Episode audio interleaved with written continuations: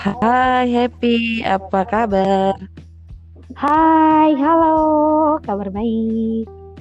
Oke, ada yang spesial nih hari ini memperingati 17 Agustus. Di sini temanya akan ngebahas tentang uh, kontribusi seorang anak muda yang kemudian memilih karir sebagai pengajar. Di sini ada Happy Haloho yang punya pengalaman menjadi uh, guru ya. Iya, pengajar muda ya namanya. Di cukup jauh ya. Di daerah mana? Di Banggai, Kabupaten Banggai. Di mana itu Bangga? Itu ada di mana letaknya tuh? Bangga itu di Sulawesi Tengah, ibu kotanya Palu. Mm -hmm. Tapi saya berada di salah satu kabupatennya, Kabupaten Bangga, ibu kotanya Luwuk. Wow, kalau Happy sendiri uh, asalnya dari mana? Saya berasal dari Indonesia bagian barat, Sumatera bagian Utara. Barat ya. Ya, benar. Sumatera Utara. Terus kemudian milih untuk pengajar muda.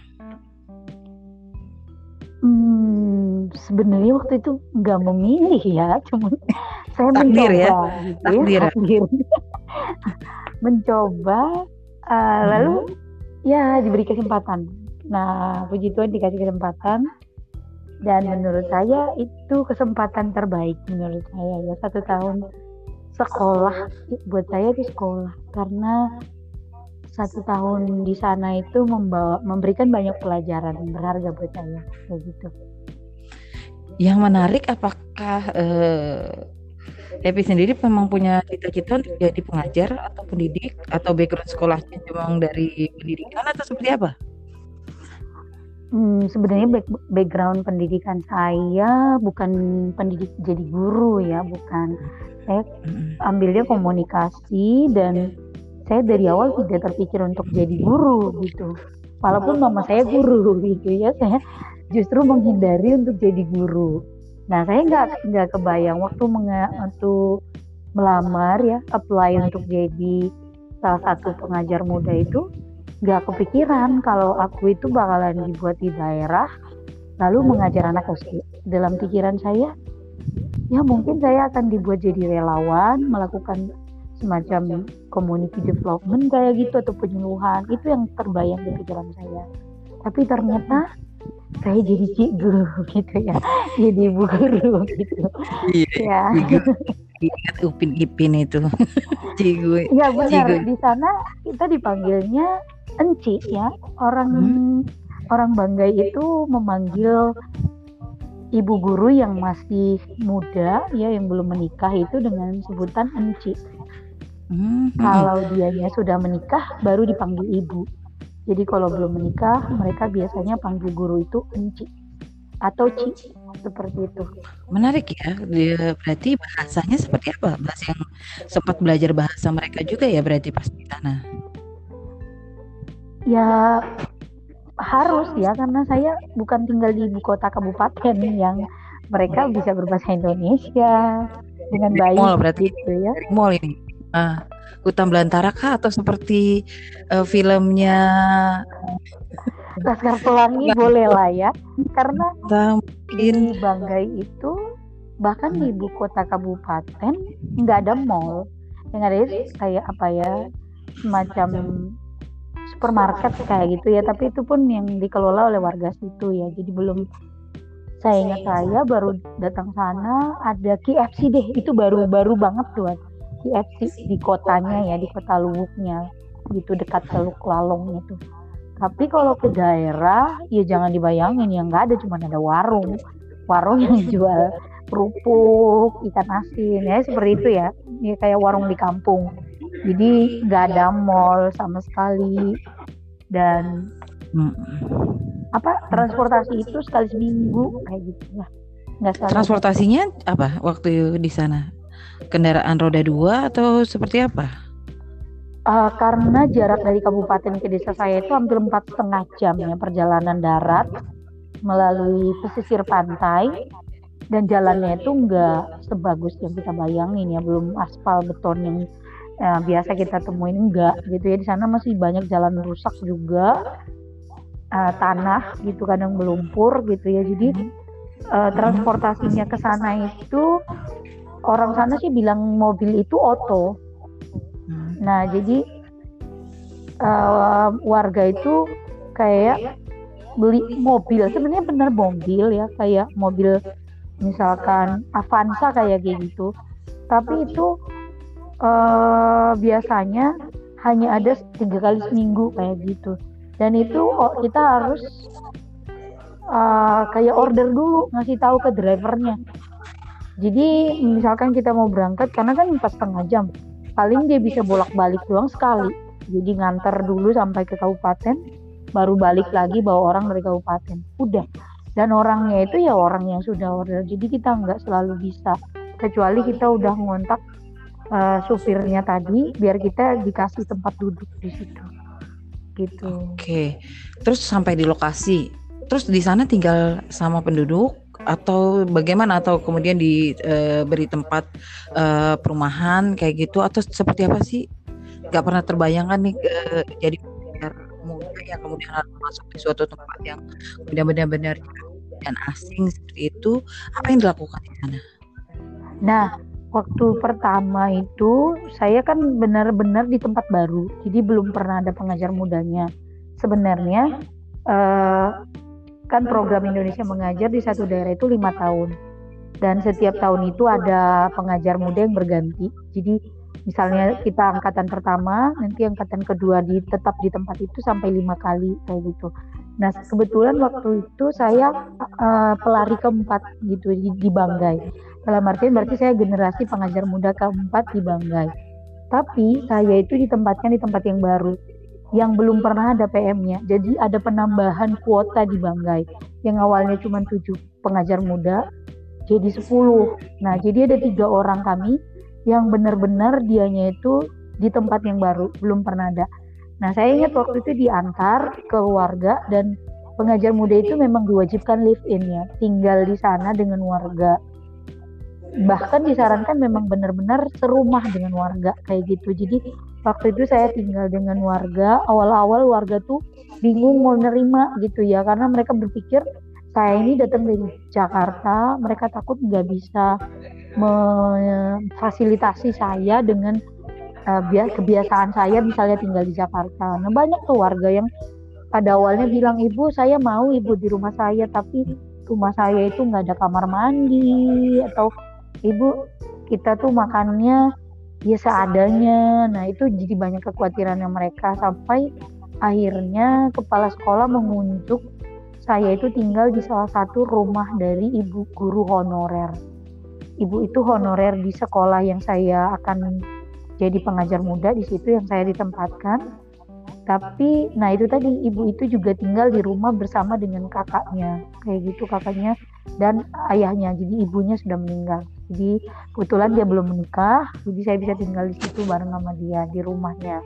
Dan adiknya yang di eh kakak dan adiknya yang di rumah itu tidak begitu fasih berbahasa Indonesia. Yang adiknya sama sekali nggak berbahasa Indonesia. Mereka bilang bahasa Indonesia itu bahasa Melayu. Jadi dia bilang maaf saya nggak ngomong Melayu nggak nggak bisa uh, bahasa Melayu kayak gitu. Jadi uh, saya harus bisa berbahasa dengan bahasa lokal di sana. Namanya suku Saluan jadi bahasanya bahasa Saluan. Jadi kalau di Banggai itu ada beberapa suku. Ada suku Saluan ada suku Bajo suku Bajo ada di pesisir pantai suku Saluannya dekat-dekat uh, kaki gunung kayak gitu. Bahkan ada juga yang di pegunungan.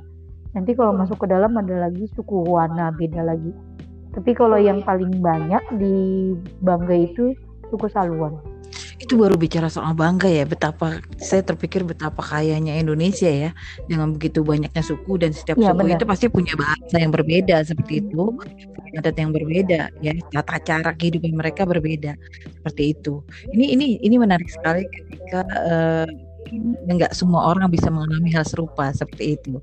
Ya, hal apa yang kemudian ketika masuk di dalam lingkungan eh, mereka itu ada sesuatu apa insight apa yang kemudian bisa di, jadi, jadi sesuatu yang kemudian berkesan seperti itu. Nah, uh, waktu pertama kali nyampe di sana yang pertama saya itu jujur aja kagum ya karena yeah. itu kan begitu lepas landas dari dari Makassar lalu kita kemudian uh, ini mendarat di Bandara Luwuk itu bandar kecil berarti ya? Bandara kecil ya. Bandara Luwuk itu kecil tapi jangan salah loh di sana itu karena di sana itu kan ada tambang ya. Tambang gas ya LNG sehingga Donggi Senora namanya. Sehingga Garuda pun punya jalur penerbangan ke Luwuk sekarang oh. ya. tapi bukan Airbus yang gede tapi Concorde ya model yang Concorde itu ya kalau nggak ya, salah yang kecil hmm. ya ada di situ Garuda Luwuk gitu. Jadi uh, begitu nyampe dari sana dari bandara itu kita udah langsung bisa lihat pantainya yang uh cakep banget ya. Pantai kilo limanya itu banyak banget orang-orang luar. Bukan orang luar ya maksudnya pendatang. Bukan orang luar dalam artian bule gitu ya. Tapi orang-orang pendatang di situ yang kerja di sekitaran LNG tadi itu biasanya mereka diving di situ di kilo 5 itu karena cantik banget ya. Jadi pertama kali uh, kecantikannya itu buat kita terpesona. Jadi nggak kepikiran bakalan kita akan ngadepin situasi yang akan runyam di, di ya itu tadi ya mulai dari drama tidak ada kamar mandi di dalam rumah gitu ya biasanya kamar mandi 10 meter di belakang rumah gitu. belakang rumah ya dan jauh ya. mandinya di sungai ya? Mandinya di sungai dan mandi di sungai itu pun kalau lagi musim hujan saya nggak tahu apakah di atas itu mengalami erosi gimana atau gimana ya. Itu air berubah jadi coklat kayak kopi susu kayak gitu. Sehingga ya kita harus hmm, apa ya hemat air kalau lagi musim hujan. Karena air bersih sedikit yang sungai sebagai sumber satu-satunya air bersih tadi itu berubah jadi coklat gitu. Dan itu deras gitu. Tapi kalau dianya musim mas lagi musim panas musim kemarau kayak gitu itu sungai bagus banget. Bahkan ya saya sering main di situ sama anak-anak ya pulang sekolah main di situ seharian itu seru banget. Bisa berenang bisa rakit-rakitan ya main, main rakit dan bisa nangkap udang-udang kecil. Yang bisa anak-anak bawa itu buat digoreng dimakan dijadi camilan kayak gitu. Bisa dapat udang bisa mancing di sungainya karena bersih. Akhirnya itu masuk pembelajaran ketika mereka diajak ke alam dan memang mereka yang menghidup di alam itu dalam pembelajaran nah waktu itu kan uh, kalau dari Indonesia mengajar salah satu program yang ingin kita perkenalkan itu adalah uh, belajar kreatif dengan memanfaatkan sumber daya yang ada gitu. Nah, jadi karena Banggai itu jujur aja Luwuk itu dikasih julukan Luwuk Kota Berair. Dan itu menurut saya tepat karena dia bukan karena dia punya teluk, punya pantai yang luas mengelilingi dia enggak, tapi memang di sana sungai itu banyak dan sungai itu enggak alirannya kecil enggak, itu gede.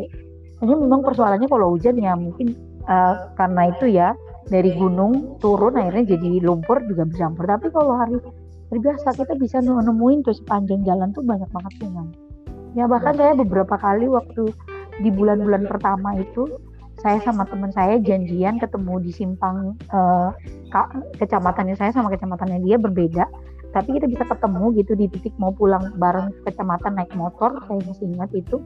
Kami sampai berhenti di beberapa tempat hanya untuk nyobain airnya jadi saya turun ya mandi itu basah sampai ke kabupaten saya merasa santai banget karena bisa mandi di pantai ya kan? Nanti kita celup-celup di pantai ini foto-foto habis itu lewat ada sungai. Udah mandi lagi di sungai. Kayak gitu. Dan itu seger banget. Nanti kalau apalagi kalau teman-teman jalan ke sana ya pergi deh ke air terjun Salodik. Jadi kalau kalian pernah lihat yang maafin saya ya jadi kayak uh, orang kampung gitu ya. Gitu. Itu tempatnya spesial banget. air terjun Salodik itu kayak air terjun yang di kalender itu loh yang bertingkat-tingkat itu dan beneran oh, ada gitu ya. Paradise gitu ya. Benar jadi waktu sampai di sana saya sampai wah gitu ya. Nggak nyangka ini kok kok ada ya di sini gitu. Dan itu nggak jauh dari jalan raya. Kita cuma masuk aja parkir. Udah sehingga ikutin jalan-jalannya ke sana bakalan ketemu tuh pan, uh, air terjunnya. Dan itu banyak nggak cuma satu gitu. Uh, apa kayak sabana-sabana kayak gitu banyak bisa di, dijumpain kayak gitu ya. Dari dari kabupaten sendiri pun kita keluar dikit aja ketemu yang kayak gitu. Jadi bener uh, pengalaman di sana itu ya keindahan alamnya itu membantu kita untuk survive ya. Nggak akan bakalan terus lah di sana gitu. Nah jadi uh, karena memang alamnya seperti itu kami berusaha untuk menyesuaikan pembelajaran dengan itu sih dengan kondisi alam dengan uh, apa ya dengan segala kekayaan yang ada di sana.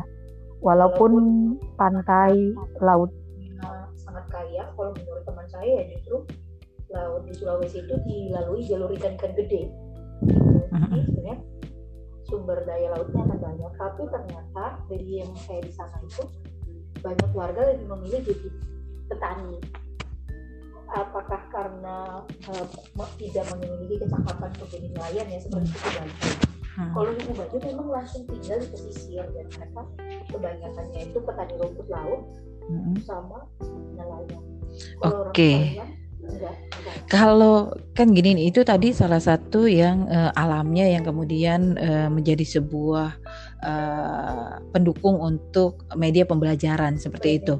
Terus uh, bagaimana dengan uh, anak-anaknya atau uh, fasilitas yang ada untuk bisa mengajarkan mereka? Apakah jadi saya terbayangkan karena ini pedalaman, jadi mereka tidak pakai seragam atau mereka kemudian bertelanjang kaki atau dengan fasilitas seadanya atau seperti apa kondisi uh, sekolah mereka seperti itu? Ya namanya kalau kita di daerah seperti itu ya jadi kalau masalah kelengkapan fasilitas itu ya kita nggak bisa berharap banyak ya. Karena ya sekolahnya gedung sekolahnya oke okay aja.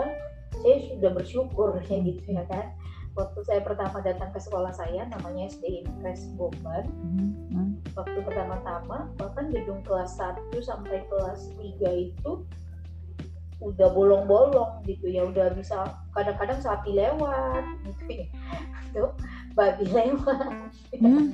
atau di halaman sekolah banyak kambing sapi itu hal yang biasa gitu ya. Dan itu jadi pengalaman menarik buat saya. Walaupun waktu saya mau balik waktu saya mau menyelesaikan tugas dari sana kebetulan sekolah saya dapat bantuan.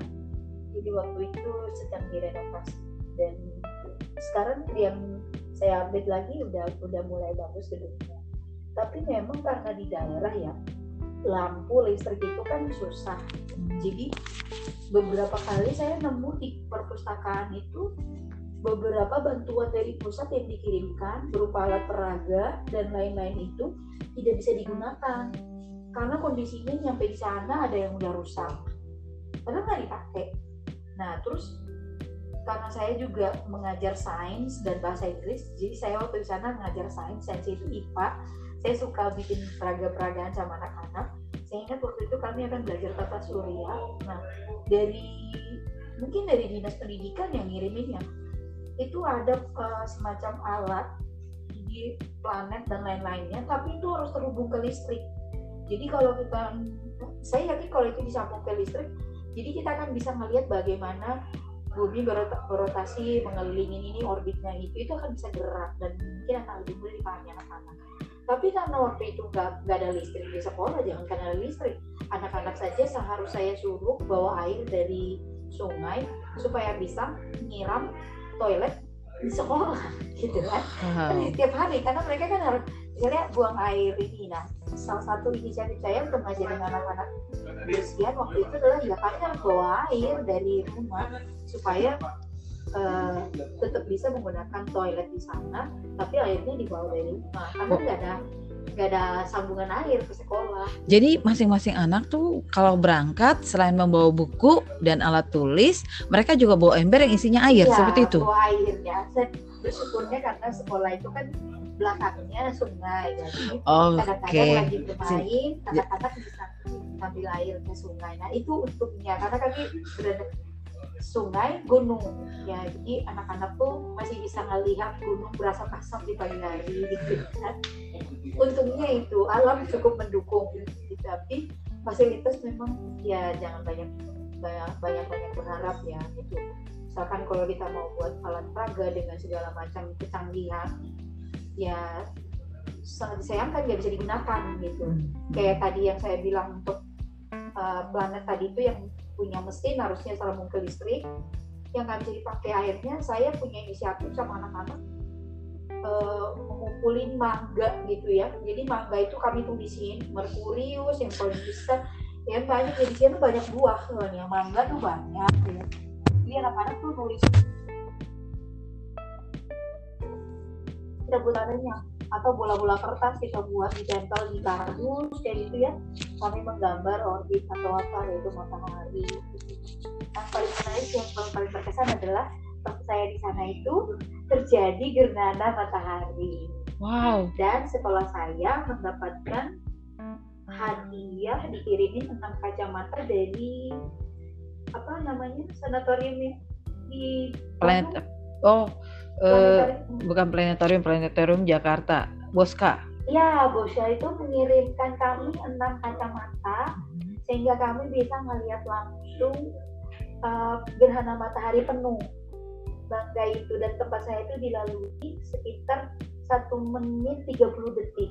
Jadi oh, kami benar melihat hari itu berubah dari siang terang berubah jadi benar gelap selama satu menit 39 detik saya ingat banget itu dan momen berharga banget. Anak-anak bisa bantu lihat walaupun banyak keluarga yang ketakutan karena mereka bilang naga akan datang. Jadi masih ya masih ya, jadi, masih mitos itu masih, masih ada ya? mitos seperti itu masih banyak. Nah itu jadi kesempatan buat saya buat edukasi warga juga waktu itu. Saya sama anak-anak berkeliling kampung untuk mengasih tahu tentang gerhana matahari. Nah itu itu pembelajaran kami. Ini saya nggak bikin pembelajaran kayak di kelas yang terlalu kaku kami lebih banyak seperti itu. Saya ngajarin anak-anak. Hmm, langsung dengan kehidupan sehari-hari karena kebanyakan murid saya itu juga berada dari kampung itu jadi tidak sulit untuk ngajarin mereka.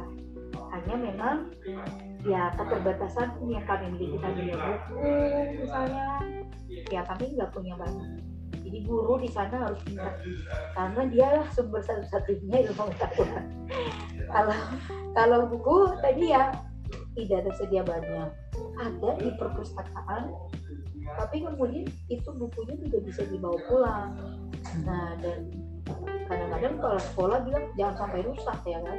Buku dijaga betul padahal kan? Sebenarnya yang mending bukunya rusak anaknya pintar ya. Nggak boleh ya bukunya nggak boleh rusak. Jadi kalau baca jadi anak-anak agak takut dong menyentuh buku. Takut jadi ya